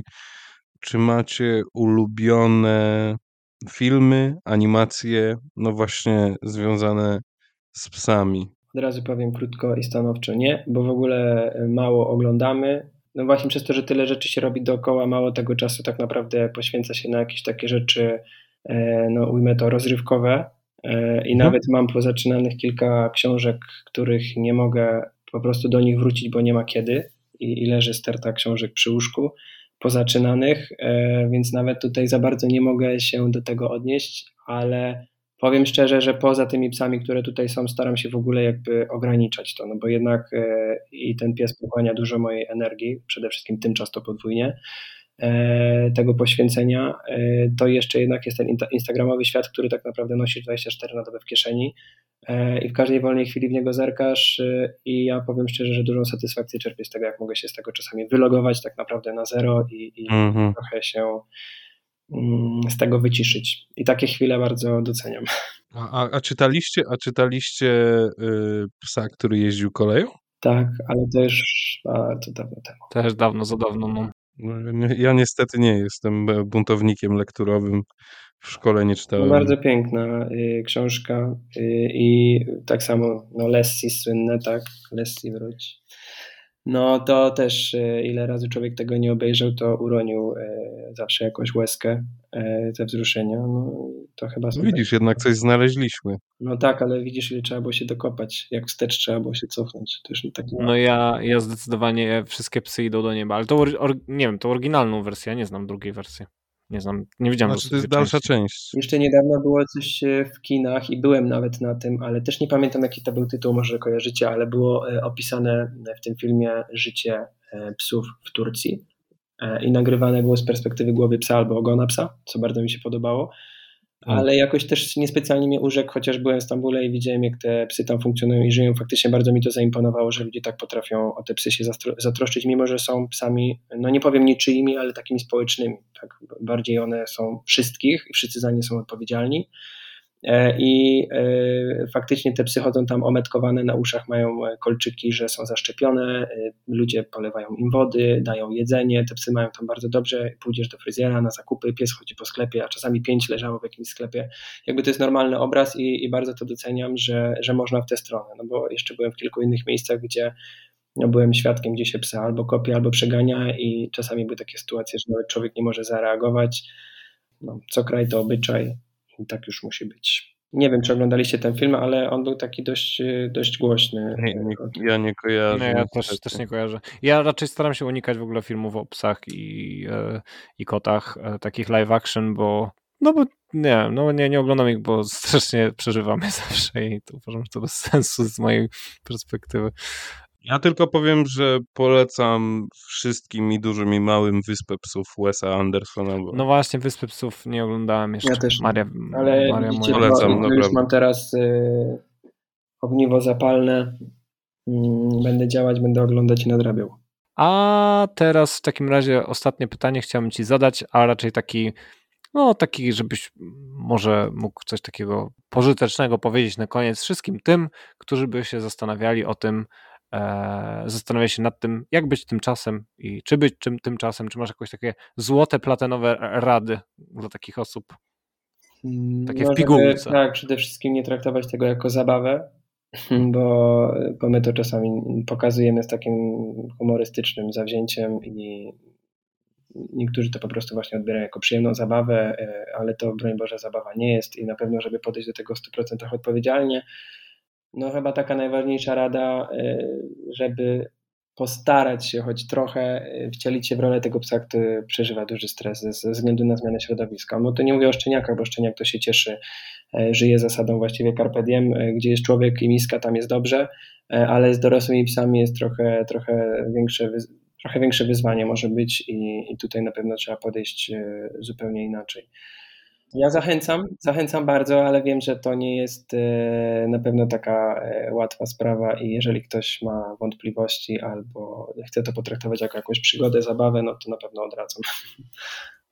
Okej. Okay. No i to jest myślę, że bardzo konstruktywne e, rady. Ale można się zaangażować jeszcze, tak się wtrącę, na wiele innych sposobów, bo, bo nawet teraz w tych czasach wystarczy zdalny wolontariat, czyli promowanie ogłoszeń na OLX-ie, na grupach na Facebooku, czy, czy w ogóle na swoich jakichś tam profilach. Myślę, że to jest chyba najważniejsze teraz, bo tych psów jest tak dużo i, i to jest jedyny sposób, właściwie nawet stosunkowo łatwy, którym możemy dotrzeć do potencjalnego domu stałego i jeżeli ktoś ma możliwość udostępnienia jakiegoś psiaka, czy zaangażować się w ogóle w strefę opisów dla psów, zdjęcia, fotowolontariat, no to jak najbardziej zachęcam, bo takich osób niestety jest e, bardzo mało. No i to jest też, to też jest przydatne, bo nie każdy no, ma w sobie energię, tak, żeby, żeby uczęszczać w taki aktywny wolontariat wychodzenia z psami i tak dalej, co no, a tutaj są dodatkowe e, drogi, dodatkowe opcje. Łukasz tutaj nakreślił, więc każdy znajdzie coś dla siebie.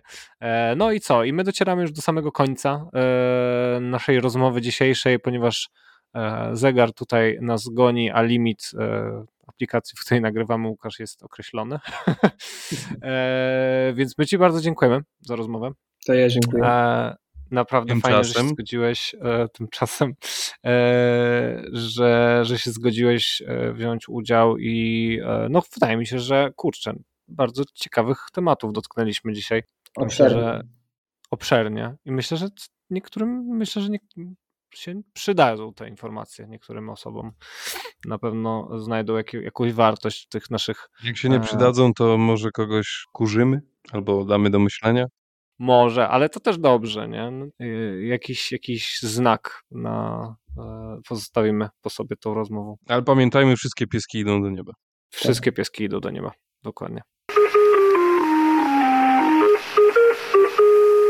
By móc nieustannie wycierać głowami swymi i cudzymi, potrzebujemy Waszych lajków i subskrypcji. Do usłyszenia. Dzięki.